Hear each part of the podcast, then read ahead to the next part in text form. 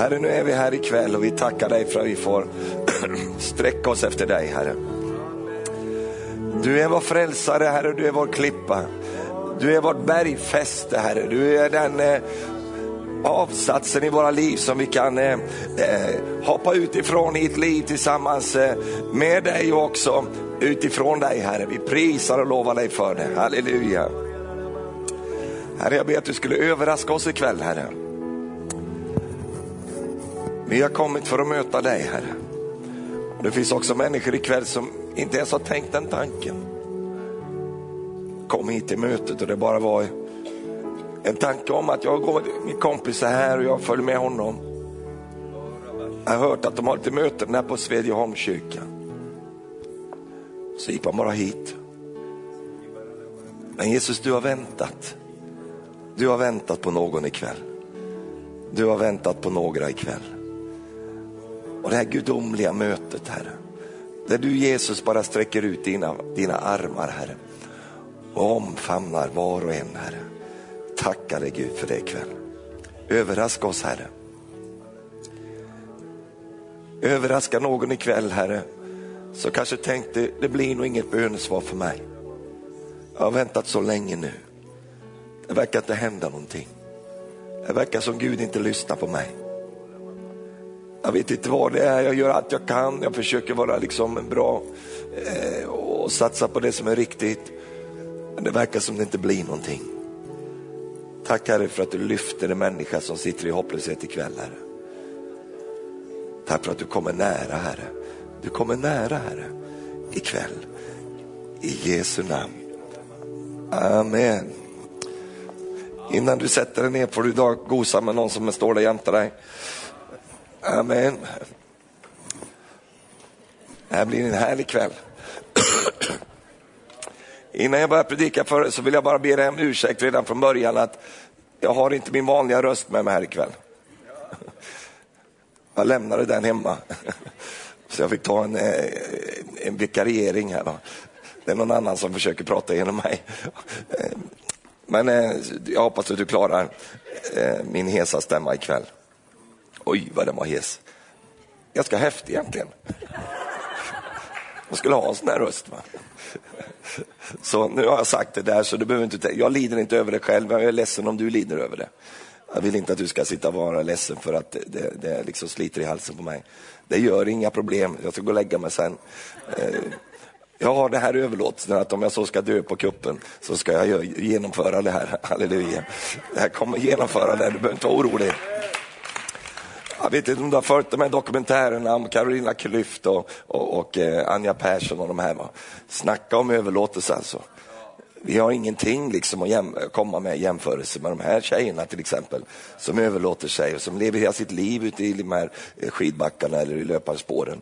Eh, och du och jag, vi har en väg att gå där. Amen. Men halleluja, ingen fördömelse ikväll, den tog vi bort igår. Så ikväll går vi vidare. Ikväll har jag ett väldigt viktigt budskap.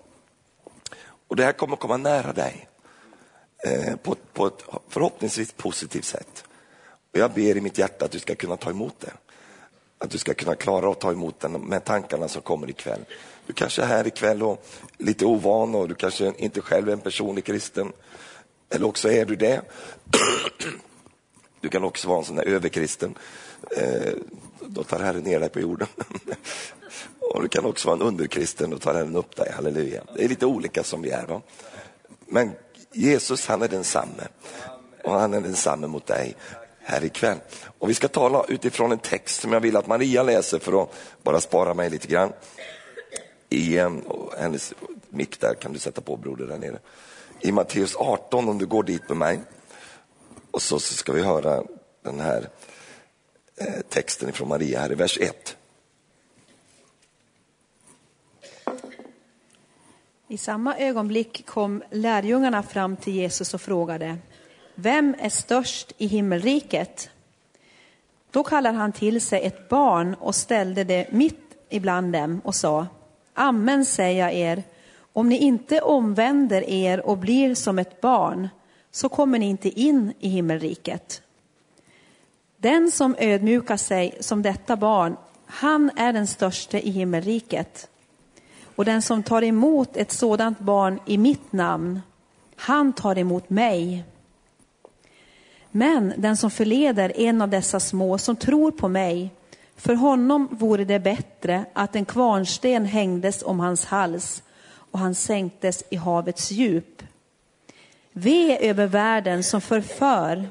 Förförelse måste komma, men ve den människa genom vilken förförelsen kommer. Om din hand eller din fot förleder dig till synd, så hugg av den och kasta den ifrån dig. Det är bättre för dig att gå in i livet stympad eller halt än att ha båda händerna och båda fötterna i behåll och kastas i den eviga elden. Och om ditt öga förleder dig till synd, så riv ut det och kasta det ifrån dig. Det är bättre för dig att gå in i livet med ett öga än att ha båda ögonen i behåll och kastas i den brinnande Gehenna. Se till att ni inte föraktar någon enda av dessa små. Jag säger er att deras änglar i himlen alltid ser min himmelske faderns ansikte. Amen. Det här är ju otroligt radikala ord från, vår, från Mästare och Frälsare Jesus Kristus. Jag tänker på det här, eh, förstår du vad han säger? Alltså om en predikant skulle säga det här, i, eller en människa skulle säga det här och uppmuntra till det här i, i något möte, vilket som helst i vårt land, så skulle han säkert bli anmäld. Men Jesus han säger det, och väldigt frimodigt också. Och han säger inte att det är på något sätt symboliskt, utan han säger att eh, om, om, din hand är till förförelse, Eh, om din, eh, ditt öga är till förförelse, då är det bättre för dig att du gör av med den eller kastar ut ditt öga för att du kan gå hel och, och, och, och hållen förlorad, eller du kan gå stympad in i evigheten. Vad är det Jesus talar om här? Jo, det går tillbaka till att Jesus ser det vi inte ser. Du förstår, Jesus vet vart människan är på väg någonstans. Och det är därför som han värnar om människans eviga själ. Och det är därför som han liksom slår vakt om den. Och det är därför han säger, ve den som förför. Det är bättre att en kvarnstäng hängs runt hans hals och han sänks ner i havets djup. Vilka dramatiska ord. I vilken kontext säger Jesus detta? Jo, han säger det i kontexten av hur vi handskas med barn. Lärjungarna frågade vem är störst i himmelriket. Jesus gör en, eh, en praktisk illustrering. Han plockar fram ett barn och ställer ett barn där mitt framför dem allihop där. Som om jag skulle ta ett barn här ikväll och ställa fram här under tiden Jesus säger de här sakerna. Det är väldigt ovanligt på den tiden. Jesus var rätt, eh, alltså han var inte så, han var inte så konventionell, han var liksom annorlunda i den tiden då barn inte ens kanske fick vara med på såna här samlingar. De var ju liksom bortskuffade. Vi vet ju andra tillfällen att eh, lärjungarna ville ju fösa undan barnen och Jesus säger lägg av med det där. Låt barnen komma till mig istället. För, för himmelriket hör sådana till. Och sen välsignar han barnen. Halleluja. Jesus kallas för barnens vän. Det ska du vara väldigt glad för. Och du kommer vara ännu gladare för det efter det här mötet ikväll när jag kommer att cirkla in på dig också. Eh, varför är, så, varför är Jesus så radikal här? Varför talar han på det här sättet för? Jo, därför att att förstöra ett barns enkla tro, det är som att ödelägga ett helt liv. Om jag på något sätt kan gå in och förstöra, förföra ett litet barns enkla tro på Gud, så är jag med och förstör hela den personens liv. Varför är det så? Därför att grunden för resten av ditt liv läggs när du är liten. Ett barn tror. Har du märkt det? Jag har ju egna barn och sen har jag barnbarn också och nu är ju de aktuella för de är i den där åldern som vi talar om här ikväll. Och de tror, vet du. Och mina barn tror också, fast de tror på lite kanske annat sätt. De har en, en viss erfarenhet nu av att pappa kanske inte är starkast i hela världen. Men det tror mina barnbarn. Låt dem aldrig tappa den tron.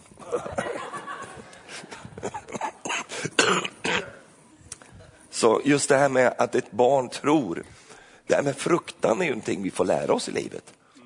Tro är någonting du har med dig när du föds. Du tror, du tror på dina föräldrar, du tror på din omgivning. Och det är därför som ett barn också lätt kan bli skadat, eller ett barn kan också bli förfört. Därför att ett barn har en naivitet över sig, som kanske inte en vuxen har.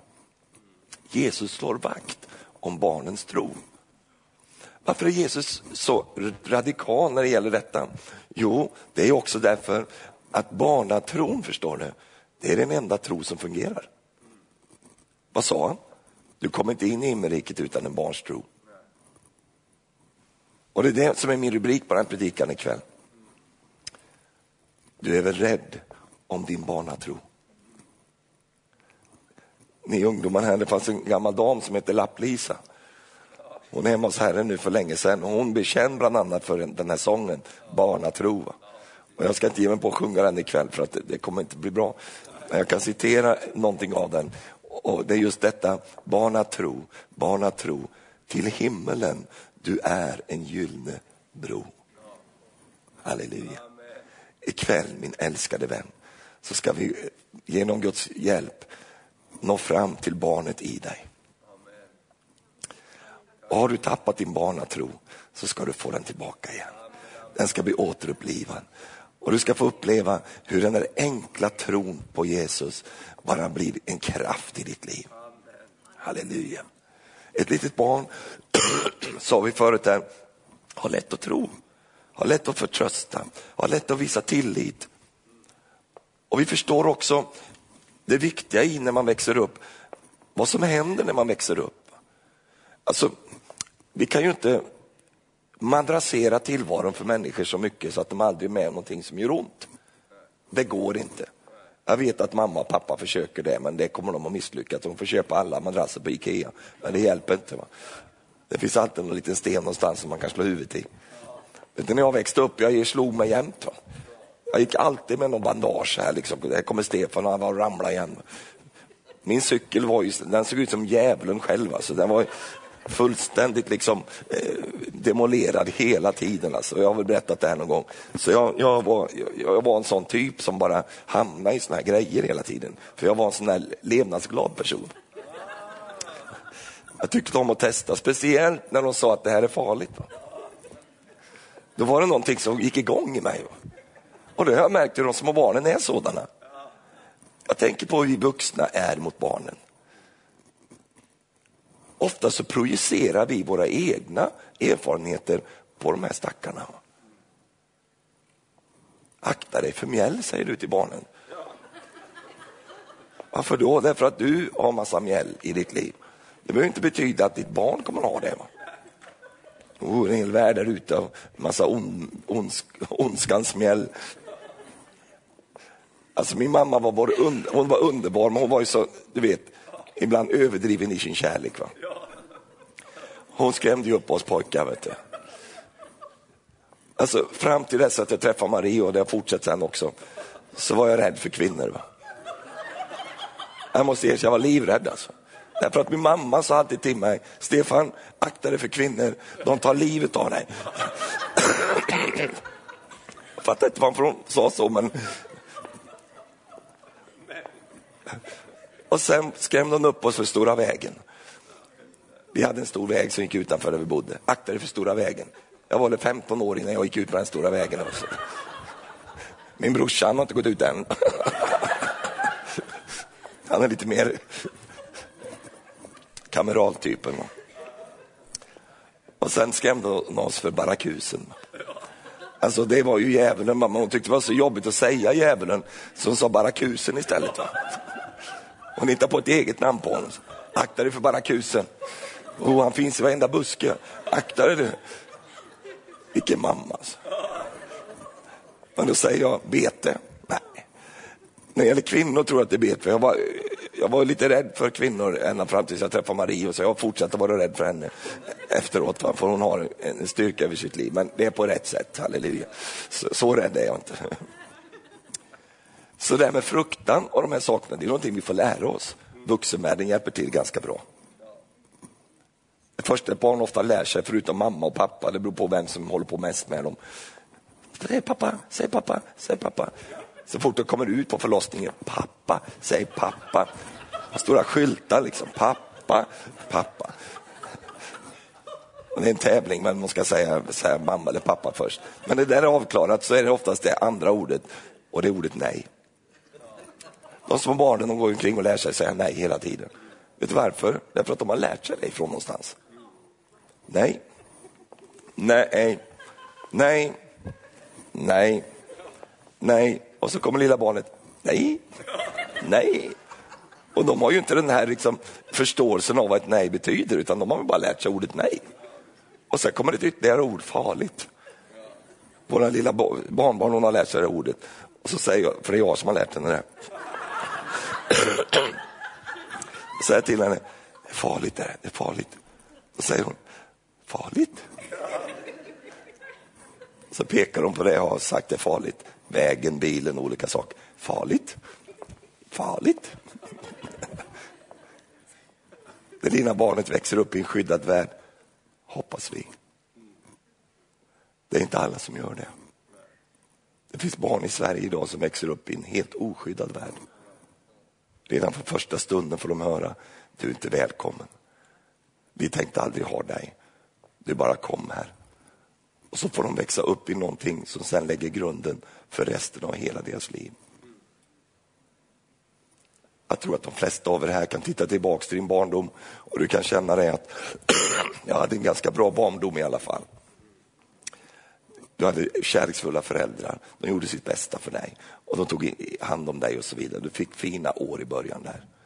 ska du vara tacksam för. Det är inte alla som har haft den lyckan i sitt liv som du har.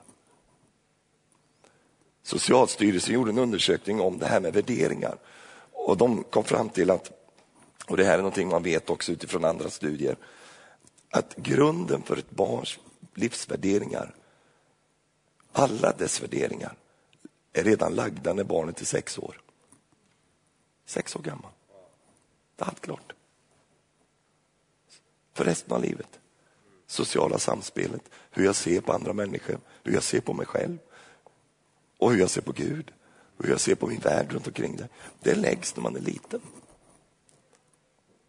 Och sen får man leva med det. Och jag tror i, i det vi har läst ikväll så tror jag de här sakerna är en del av det Jesus vill säga här.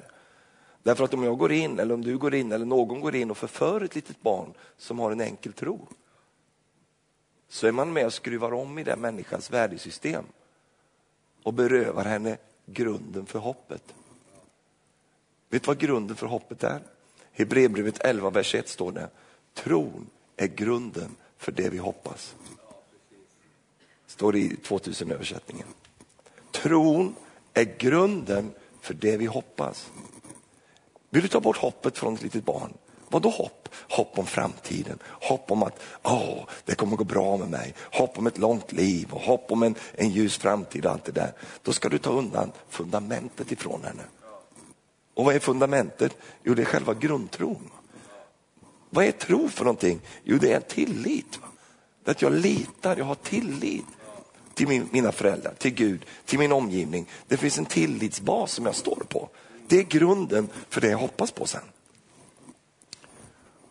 Och här är ju fienden, han jobbar ju övertid för att liksom komma in här. Grunden för hela livet läggs när vi är små. Och det, det, det vi ska komma till det här ikväll sen. Är det okej okay att jag går fram på det här sättet? Det, det hjälper mig väldigt mycket. Slipper jag skrika så mycket. Det är dåligt. Det är värdelöst.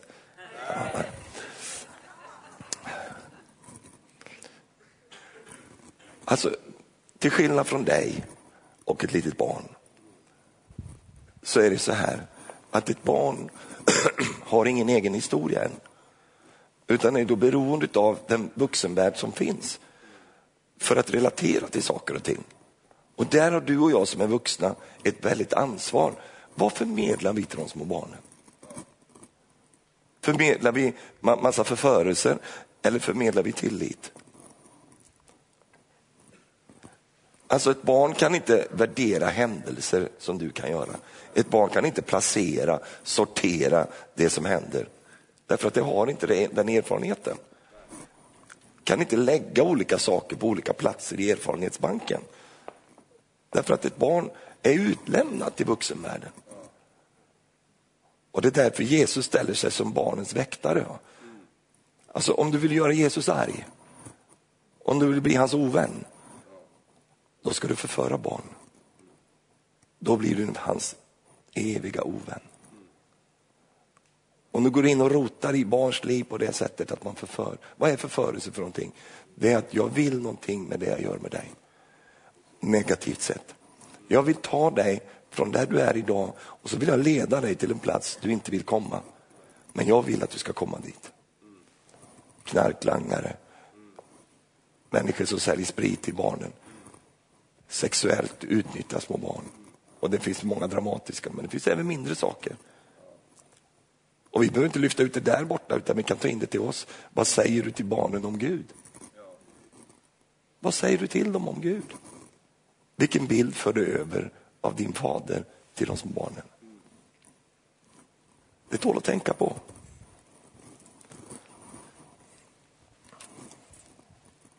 Så ett barn som berövas sin naturliga tro berövas grunden för hoppet.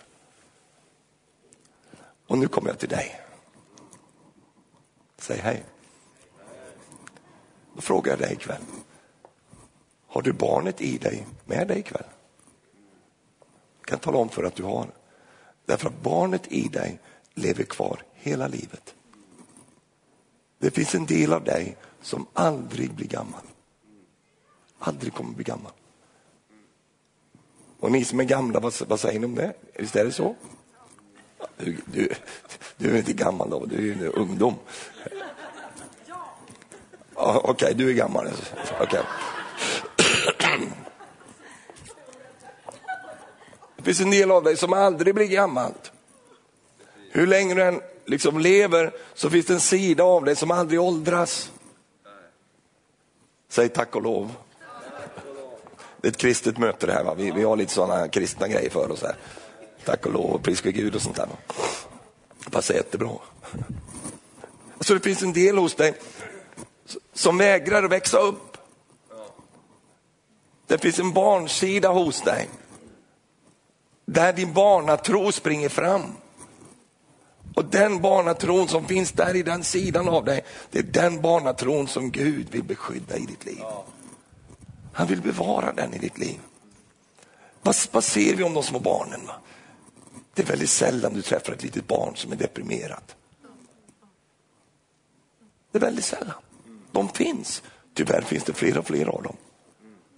Krigstrauman, otäcka händelser när man är liten kan slunga ett barn in i en djup depression. Men det är oerhört ovanligt och det är väldigt liksom, fel. Va? Oftast är barnen väldigt så här, ska vi gå till skolan mamma? De är lite sega precis i början men sen så piggnar de till ganska snabbt. Du kastar in en polarmacka i ansiktet på dem och, och sen så är de igång. Va? Ta emot, gapa. Och sen är den där. Va? Oh, mamma kolla vad jag har gjort här idag. Titta här mamma. Pappa, jag fick en fisk. Alltså det finns ingen som kan vara så glad över att få en fisk. En gammal mört. Va? Självdöd sak som låg där. Och jag fick min första fisk. Pappa, jag har lärt mig skjuta med luftgeväret nu. Jag sköt mamma i, i benet.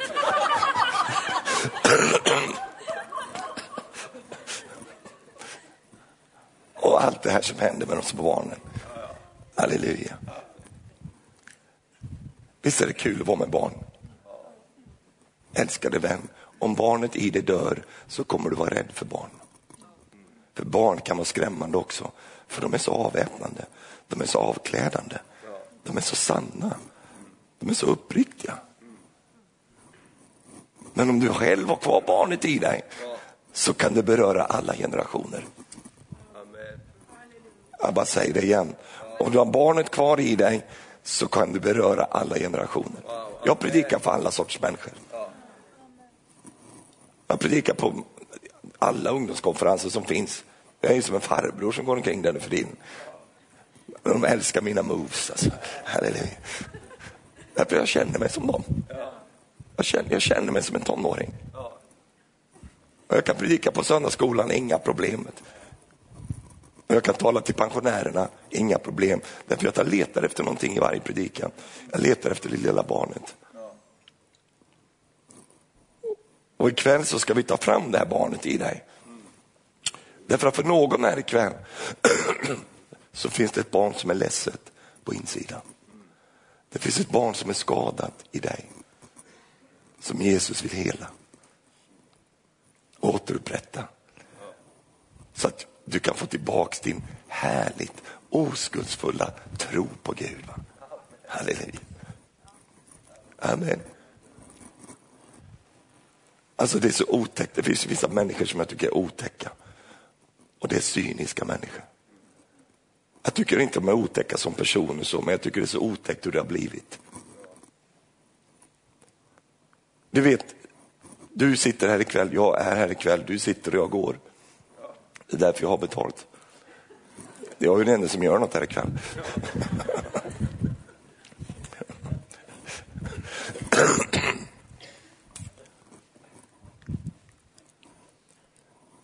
Du har ju en historia min vän. Du har ju varit med om en del grejer. Och vi ska titta på din historia. Vad har din historia gjort med dig? Vem har du blivit på grund av din historia? Är du en cyniker här ikväll? Det tror jag inte du är, för du är inte så intresserad av sådana möten kanske. Men om du skulle ha lite böjelse åt det hållet, eller lite bitter, besviken, så vill Jesus göra någonting på djupet i ditt liv. Han vill gå ner till den där lille pojken som är nio år gammal och bli barnens vän där.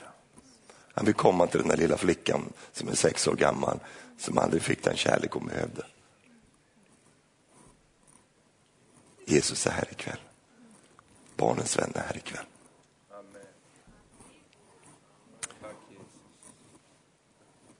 Så du har det där barnet där på insidan. Hur handskas du med det? Är det en resurs eller är det en belastning? Är det en kraft i ditt liv? Eller är det någonting som du vill hela tiden stänga ner? Ja, det beror på hur det där lilla barnet mår. Och jag bara känner det där, för jag går långsamt fram här nu. Jag bara känner att det finns en läkedom här ikväll.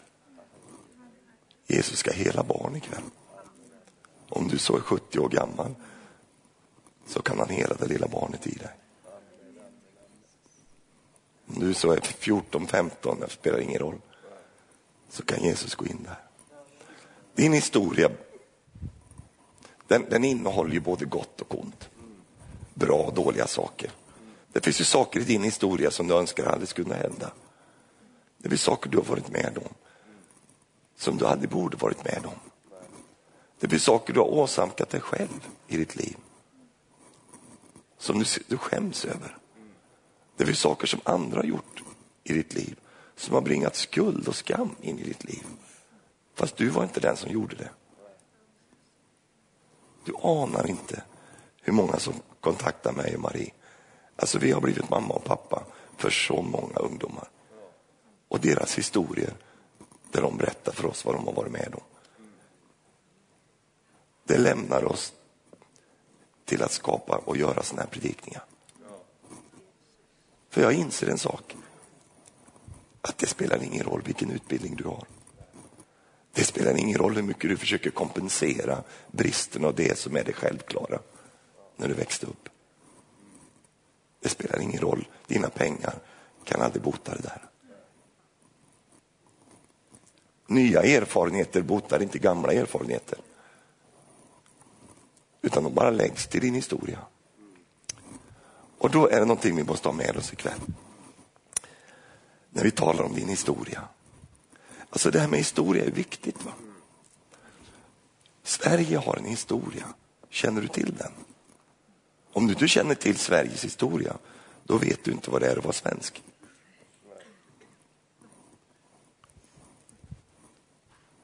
Din familj har en historia. Känner du inte till din familjs historia så vet du inte vad det innebär att vara den du är.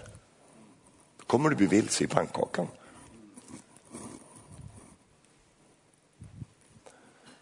Så när Jesus ska hjälpa dig, som redan har en historia nu,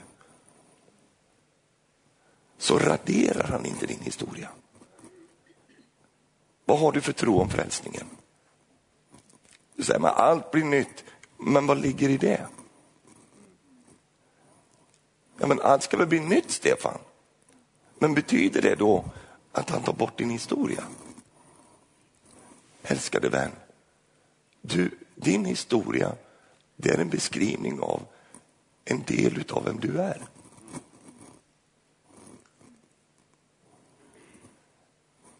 Men inte bara din historia, utan din framtid finns med också.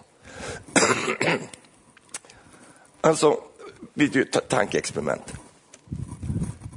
Jag behöver inte ens ta ett tankeexperiment, jag kan ta en, en riktig händelse. Det var en kille i Amerika, 25 år gammal. Gick på gatan, kortbyxor, bermudashorts, skulle ner och bada tror jag. Hade ingenting på sig, ja han hade bara byxorna på sig. Tänk inte sån tanke. Så gick han där. Helt plötsligt så tappade han minnet. Bara försvann, rakt ut. Hårddisken bara raderades, hjärnan bara... Så han stannar mitt på gatan. Vem är jag? Vart ska jag? Var kommer jag ifrån? Vad heter jag? Han visste ju att han var kille, för det kunde han upptäcka ganska snabbt. Så folk omkring honom sa, förvirrad. Går han på några droger den där killen? Så de tog honom och så, så pratade de med honom. Och, vad heter du? Jag vet inte. Var kommer du ifrån? Jag vet inte.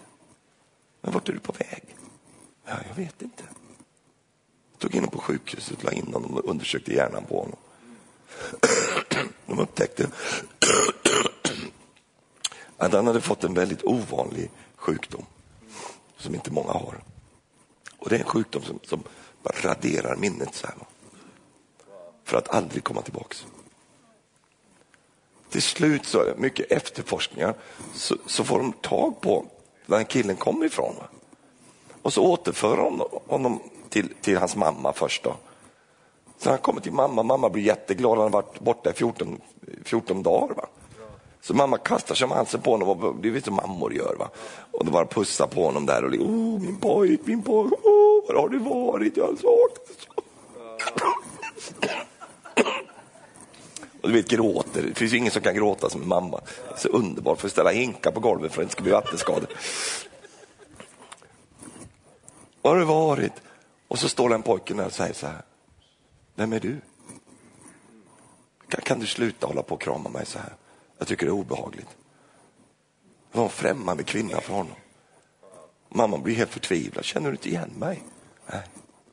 Så kom hans flickvän fram. De skulle gifta sig lite längre fram. Älskling, ska vi gå på dejt ikväll? Vem är du? Jag gillar inte dig. Va? Vi ska ju gifta oss. Det kan jag inte tänka mig. Du, du har inte mitt, eh, mitt tycke. Och så den ena grejen efter den andra. Då fick han börja med att bygga upp ett nytt minne. Din historia och ditt minne är kopplat till dina känslor. Du känner därför att du minns. Mm säger någon. Han mindes inte sin mamma, så han hade inga känslor för henne. Han hade ingen koppling till sin historia. Och det leder mig till den här tanken. Om Jesus ikväll, du kommer fram här och så tar man bort ditt minne. Vem är du då när du vandrar ut ur det här huset? Vart ska du då ta vägen? Och vilka känslor kommer du ha? Du säger, men jag vill bara ha goda känslor. Livet fungerar inte så. Utan livet har mycket andra känslor också. Smärta, sorg, glädje, vemod, uppsluppenhet, en mängd olika saker. Och nästan alla är kopplade till vad du har varit med om.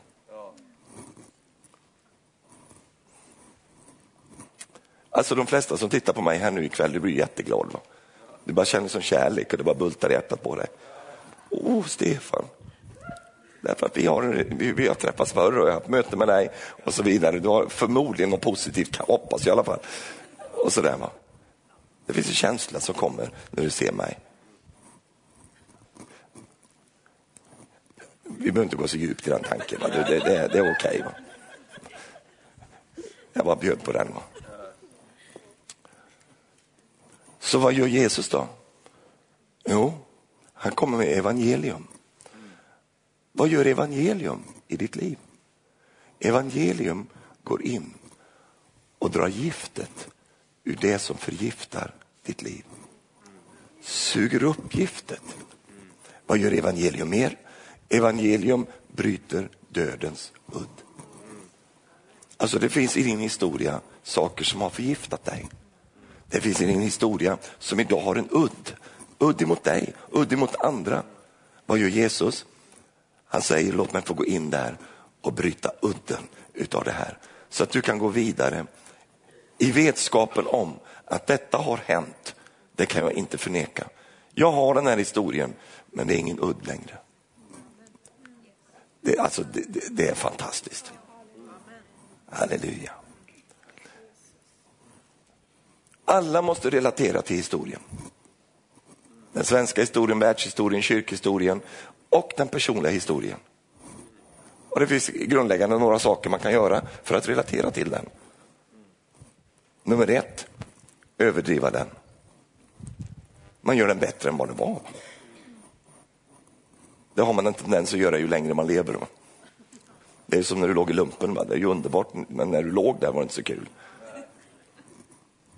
Nummer två, man förvärrar den. Man gör den värre än vad den var. Och nummer tre, man förnekar den. Jag har en kompis, han kommer att komma hit nu på kanal 10-mötena. Han körde lite fort. Och så blir han stannad av polisen. Och då vet polisen, och så vevar han ner rutan där. Så ropar han till polisen som står vid vindrutan och säger, det har inte hänt. Och polisen tittar in, va? Har det inte hänt? Nej, det har inte hänt. Bara, Nej, men vadå har det inte hänt? Jag vet ju att det har hänt. Nej, det har inte hänt. Det har inte hänt. Han bara förnekar alltsammans här. När jag växte upp så var, gick vi till ett baptistkapell. Min pappa var ju en, en brinnande pingstvän, men det fanns ingen pingstkyrka där. Så, så han gick till baptistkyrkan. Och då var vi ju många i vår familj. Salmonsson hade en hel bänk. Va? Och jag har väl berättat det här någon gång. Va? Men du vill inte höra det. Och vi satt vi allihop där. Va? Och då föll det sig inte bättre än när vi barn var ju så ohelgade på något sätt. Så vi råkade, var en som råkade släppa sig. Och på den tiden var det inte den här typen av möten när alla skriker och tjoar så alla kan smyga runt med sina odörer. Eh, utan det var ju knäpptyst i kyrkan och, så, och, och det var en ljudlig sak också. Va? Och så hör man ett viskande så här. Och mina bröder och systrar, det var inte jag. Det var Anders. Det var inte jag. Det var Laila. Det var inte jag. Det var Annika. Och så gick jag ner och så kom det till, till min bror, äldre bror Leif. Det var inte jag. Det var Leif, sa någon. Och så kom det till mig. Det var inte jag. Det var Stefan. Och då tittade jag, för min lillebrorsan Patrik, han var inte med det där. Han var så liten. Det fanns inget mer att skylla på. Så jag sa, det var inte jag. Det var pappa. Det föll ut ganska bra. Det gjorde det att vi behövde inte gå med på två möten så ofta framöver sen. Jag förnekar. Det var inte jag. Det har inte hänt. Älskade vän, jag vet att du finns här ikväll och du förnekar saker som faktiskt har hänt. Alla människor behöver en förklaringsmodell för att kunna leva vidare. Alla behöver det. Och vet du vad? Jesus har en förklaringsmodell som du kan leva vidare med på ett underbart sätt. Halleluja. Och då säger polisen till Lennart, okej, okay. säger polisen, okej okay då, här får du en böter för det som inte har hänt. Så då fick han en böter i alla fall. Så Jesus han går inte in och raderar din historia, han går in och helar den. Suger giftet ur det som förgiftar, bryter udden av det som har, har en udd emot dig. Det är det Jesus vill göra och det vill han göra ikväll för någon. Amen. Vad är det han vill göra? Han vill att din barnatro ska kunna leva trots din historia. Att du inte ska bli sådär liksom... Eh, bara, alltså, Låt mig ta ett vittnesbörd till. När jag var nio år gammal så kom det två skogsarbetare hem till oss där vi bodde. Knackade på dörren, min mamma var hemma. Och jag och min, min äldre bror Leif var hemma också från skolan. Alltså vi hade kommit hem från skolan då. Och då förstod vi som små pojkar, vi förstod på en gång att det här är något som inte stämmer här idag. Det kom en kyla in där. Barn kan uppleva saker, barn är intuitiva. Så, då, och då så gick de in till mamma. Jag och brorsan blev så rädda, vi sprang in i, i, i, eh, på toaletten och låste in oss. Och så satt vi där och så hörde vi ett samtal som pågick i köksrummet, i köksbordet. Och så sa de, ja Anna det är så här förstår du, vi har ett sorgebud till dig. Att din man Knut idag, han förolyckades i skogen. Och då sitter vi där inne i, på toaletten. Och vi kunde knappt gå ut där, så gick vi de här farbröderna ut. Och sen gick vi ut i, i köket, där satt mamma. Och så, så sitter hon på oss och sa hon så här. Pojkar, nu har, Jesus, nu har Knut gått hem till Jesus. Nu måste vi ta våra händer och lägga dem i hans händer. Han är vår trygghet för framtiden. Det där har aldrig försvunnit från mig. För jag såg som en liten nioåring en liten hand som stacks upp och la i timmermannen Josefs sons hand, Jesus från Nasaret. ofta när jag varit med om svåra saker så har jag tänkt på den bilden. Stefan, nu får du lägga din hand i Jesu händer. Men då är det så här, att i många stycken så är jag fortfarande nio år gammal. Jag har aldrig kommit över det där. Aldrig. Jag kan ärligt säga till dig att jag saknar min pappa nästan dagligen. Jag är 53 år gammal nu. Man säger om mig att jag är lik honom. Mamma sa, du är precis som pappa du. Du har hans ben och du sprätter runt och du håller på. Du har hans kroppsspråk. Alltså du kan tänka dig en sån här person som mig på 50-talet. Du kan... Alltså, jag säger stackars honom alltså. Det är ju han går ju an i den här tiden, det är många är lite sådana här, va? Men, men på den tiden. Jag fick höra berättelser när jag var tonåring om, om honom och så där, va? Och jag lyssnade så. Men jag hade en saknad, jag längtade efter min pappa hela mitt liv. Jag är själv pappa idag. Jag är själv morfar, farfar. Jag frågar ofta mina barn, tycker du att jag är en bra pappa? Varför då? Jag vill ha en revansch. Jag vill att mina barn ska kunna se ja, min pappa, som jag aldrig hade. Det har de i alla fall. Halleluja. Jag ska överleva alla mina barn. Jag skulle bli en säkert en hundra år gammal. Mina barnbarn ska få ta mig till predikningarna. Morfar, nu får du lägga av rullatorn här för du ska gå fram och predika. Stå inte och svamla nu, dra inte gamla, samma gamla berättelser. Håll dig till dina punkter nu morfar. Kom ner nu, va? det är dags att komma ner, du har stått där länge nu. Va? Kom ner nu. Och så får jag rangla ut i mötena. Halleluja. Ser du bilden framför dig? Men det kommer vara starkt i varenda möte. Halleluja. Det kommer vara starkt i varenda möte. Saknat honom hela mitt liv. Så då har jag en liten pojke här inne. Det har du med. Nu använder jag mitt vittnesbörd. Du sitter med ditt. Men jag har ju mikrofonen så jag har ett övertag.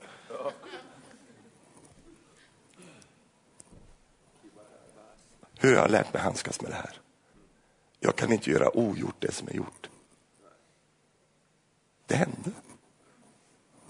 Jag måste på något sätt leva med det här. Och då har jag lärt mig i livet. Jag frågade Herren för några år sedan.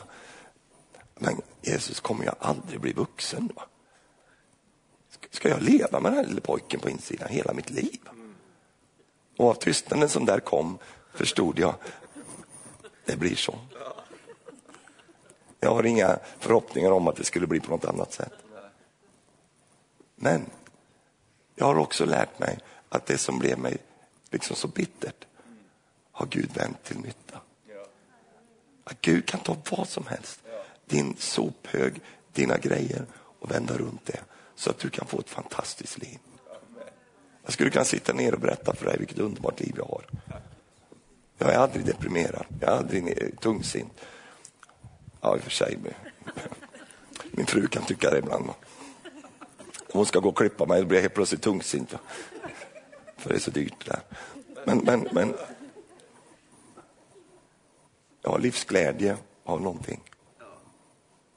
Och nu är Stefan här, det är bara för att jag talar ikväll. Stefan är flera olika personer. Jag ser lite schizofren typ. Det finns en vuxen Stefan som tar ansvar, tar för sina barn och sin familj, som inte flyr hemmet. En vuxen Stefan. Sen finns det en rationell Stefan som kan se rationellt på saker och ting och kunna placera grejer. Sen finns det en logisk Stefan som, som har en logik som jag har lärt mig genom livet. Men sen finns det också en liten Stefan. Och när vissa saker händer i mitt liv så hjälper inte det att jag har en vuxen sida, att jag har en rationell sida, att jag har en logisk sida. Utan då är det en liten pojke som är rädd, som är ledsen, som inte vet hur han ska klara det här. Och vet du vad? Varenda gång jag har varit med om trauman i mitt liv så har Jesus mött mig där. Det var inte den rationelle Stefan som behövde hjälp, utan det var den lille pojken som blev lämnad utan pappa när han var nio år.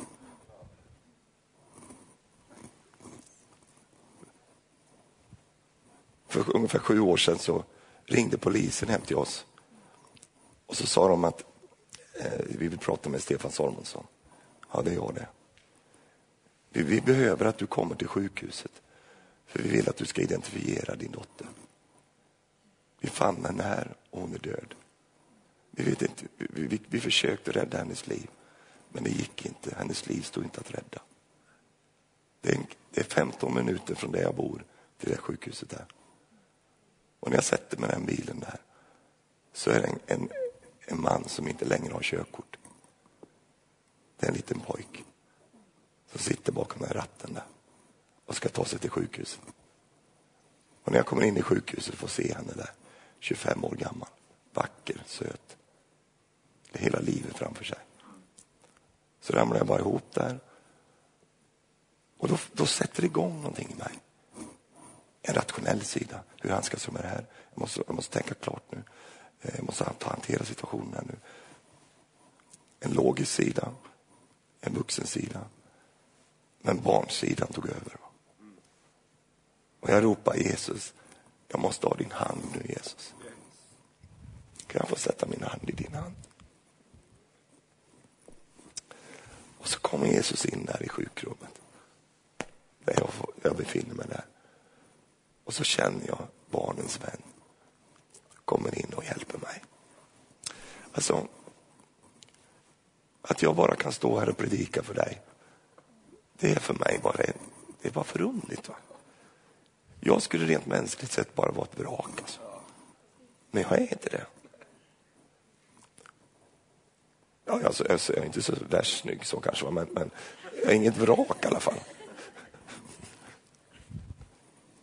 Utan jag lever vidare idag. Därför att jag jag tackar Gud, jag har inget svar på varför det blev så. Men jag tror att min mamma lärde mig det där. Stefan, nu måste vi ta våra händer och lägga dem i Jesu händer. Jag tror det var det som hjälpte mig där. Och så fick Jesus gå in och hjälpa den här lille pojken. Som aldrig blir gammal. Som alltid har den här sidan i sig. Men när du hör mig predika, när du möter mig, när du träffar mig, du kommer inte känna någon udd. Du kommer inte känna liksom att, det stinger i dig eller att jag är bitter på något sätt. Det finns inte hos mig. Det finns inget gift heller, för jag är inte förgiftad. Vet du varför? Jesus gick in i min historia och så läker han ut det som, som, som gick fel och helar det. Jag har en dotter i himlen som är död, alltså död där på jorden. Jag vet det. Jag kan inte göra det ogjort. Jag kan inte bara säga det där har inte hänt. Det har hänt. Jag måste handskas med det. Men jag tackar Gud att jag fick nåd att, att inte stänga till för Lill-Stefan. utan att jag fick bli läkt på insidan. Och det är därför jag kan säga till dig idag, jag har min barnatro kvar. Jag tror fortfarande att Gud är god. Jag tror fortfarande att han svarar på alla mina böner. Jag tror fortfarande att, att jag är hans favorit. Att jag, jag bara tror det. Jag är ledsen, men, men I'm the man.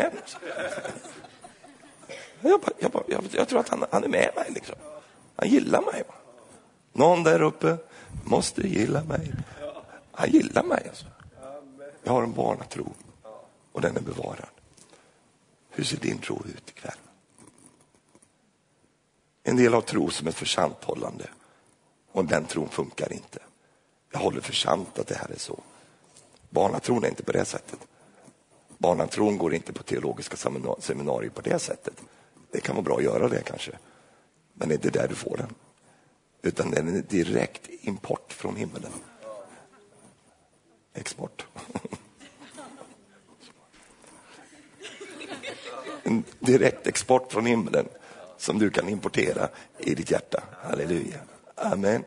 Halleluja. Vi ska öppna altaret nu och du ska få komma fram här. Hur ska du komma fram? Ikväll så ska du få ta fram den där sidan i ditt liv. Kanske stinner det där, finns en udd där, någonting som gick sönder. Alltså tilliten, förtroende, sådana grejer. Det, bara, det är svårt, du har svårt att visa tillit. Svårt att visa förtroende. Grunden som du står på är liksom skakig och därför är hoppet inte där. Va? Hoppet om en bättre framtid, hoppet om en, liksom en, så. Det har blivit naggat i kanten. Ikväll vill Jesus gå in, han vill ta dig i handen och sen vill han läka det som har gått sönder. Han vill läka ut det. Det finns människor här ikväll som har så trasiga bakgrund och historier. Och någon säger, hur ska jag kunna leva med det här? Med alla övergrepp som jag var utsatt för när jag var liten. Att hur ska jag kunna leva med det, Stefan? Förklara det för mig. Det är där Guds under kommer in. Att du kan få nåd att titta tillbaka på ditt liv utan känsla av skuld, skam eller mindervärdighet. Du kan titta in i din historia och säga, det har hänt, det finns där, men det har inget gift i sig.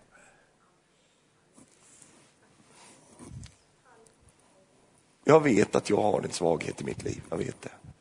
Jag vet att jag är en liten pojke på insidan. Och jag har lärt mig handskas med det. Jag har lärt mig springa till Jesus med de grejerna. För han har inga sådana svagheter. Jag har lärt mig att det finns områden i mitt liv, jag går inte ens in där. Och Jesus hjälper en att leva vidare i framtiden. Halleluja. Fader, ikväll så bara kommer vi inför det här. Och vi tackar dig för nåden, Herre, som du visar oss. Nåden som du visar oss till att kunna gå vidare, Herre. Väl medvetna om att vår historia finns där. Saker har hänt. Men att du får vara med och läka, hela och befria. Herre, ikväll kommer vi till dig. I Jesu namn. Ska vi stå upp tillsammans?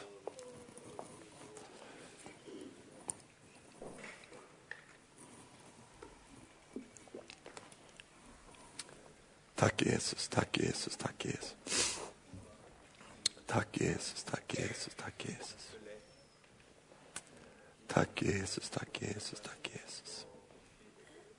Kanske finns här ikväll, du hade en barnatro när du var liten. Du har tappat den barnatron. Så jag vet inte om jag tror på Gud nu. Liksom det, det, det, när jag ser hur det ser ut i världen och jag ser hur det är runt omkring mig, det är svårt för mig att tro på Gud nu. Och det är därför som Herren säger till dig, kom till mig. Det finns massa saker som du inte förstår. Det finns massa saker du inte kommer att förstå. Men ett litet barn behöver inte förstå allting för att ändå kunna visa tillit. Ett litet barn har någonting i, i sig och över sig som Jesus lyfte fram den här dagen när han ställde fram ett barn inför alla och sa så här måste man vara om man ska komma in i Guds rike. Ikväll kan du få vandra tillbaks till din barnatro. Jag vet inte vem det var som förförde dig. Kanske var din lärare på skolan som förkunnade ett humanistiskt budskap och sa det finns ingen Gud. Kanske var någon annan som gjorde någonting med dig som var så motsatt det, den bild du hade av en god Gud. Så det skruvade om hela din värdering när det gäller Gud. Jag vet inte. Du vet. Och sen finns du här ikväll också. Att du har uddar, det finns saker i själslivet som bara är lite skadat och kanske mycket skadat också för någon. Ikväll ska vi bara komma och söka Gud. Jag skulle önska att vi gjorde så här ikväll. Därför att jag vet att det är så här. Att eh, när, när, man rör sig i de här sakerna så blir det känsligt. Och det är helt okej okay att det är känsligt. Därför att det är ju det, precis det det är. Det är känsligt. Känsligt för dig. Därför att nu ska du öppna ditt hjärta och Jesus ska röra vid dig.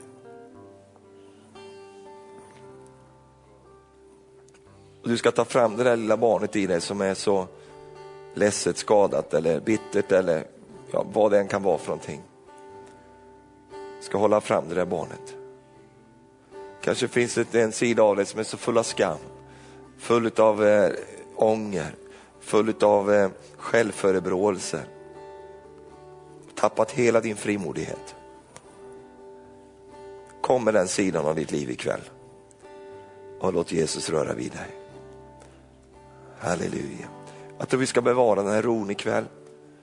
Och vi ska bara öppna upp det på det här sättet. Att du ska få komma här. Min broder han spelar på, pian eller på gitarren där. Och det blir en stilla stund. Och ikväll så får du göra som, som jag berättade om att jag gjorde. Lägg din hand i Jesu hand. Gör Jesus till din bäste vän. Han som är barnens vän. Halleluja. Jag tror vi gör så här. Att eh, du kan komma fram här. Om du känner att ja, jag vill bara söka Gud här ikväll. Jag vill ta emot ifrån Jesus ikväll. Jag vill att Jesus ska läka mig och hela mig. Vi har några trappsteg här och, och så vidare. Så någon kanske vill knäfalla och vara inför Gud så. Det är helt okej. Okay. Men jag uppmuntrar dig att röra dig de här stegen fram här.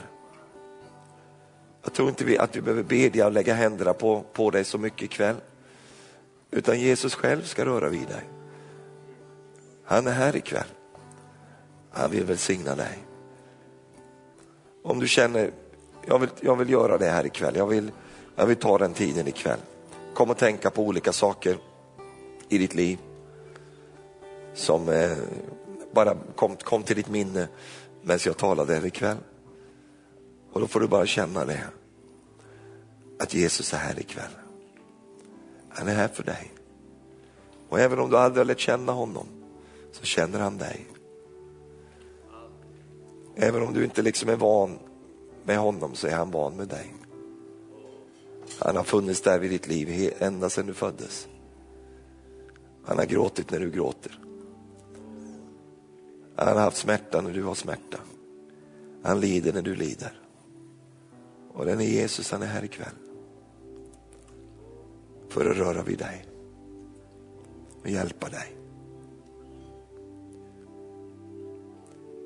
Kanske du ska för första gången ikväll bara söka dig fram till förbön här och säga Jesus, jag vet inte så mycket runt omkring dig. Men jag skulle gärna vilja ha den där barnatron. Jag skulle gärna vilja ha det där i mitt liv den där gudomliga optimismen. Det här liksom oskuldsfulla. Det är så mycket annat i mitt liv som inte är oskuldsfullt. Jag har varit med om saker och gjort saker som har dragit ner renheten och oskulden i mitt liv. Jag skäms över de sakerna. Kan du ta emot mig Jesus? Kan du hjälpa mig Jesus? Visst kan han göra det. Visst kan han hjälpa dig. Är det någon som kan hjälpa dig så är det han. Vi söker Gud ikväll. Välkommen fram du som vill göra det. Välkommen och gör plats här ikväll. Kom med det lilla barnet. Kom med den lilla flickan. Kom med den lilla pojken. Kom med den sidan av ditt liv ikväll. Halleluja. Tack Jesus. Amen. Välkommen.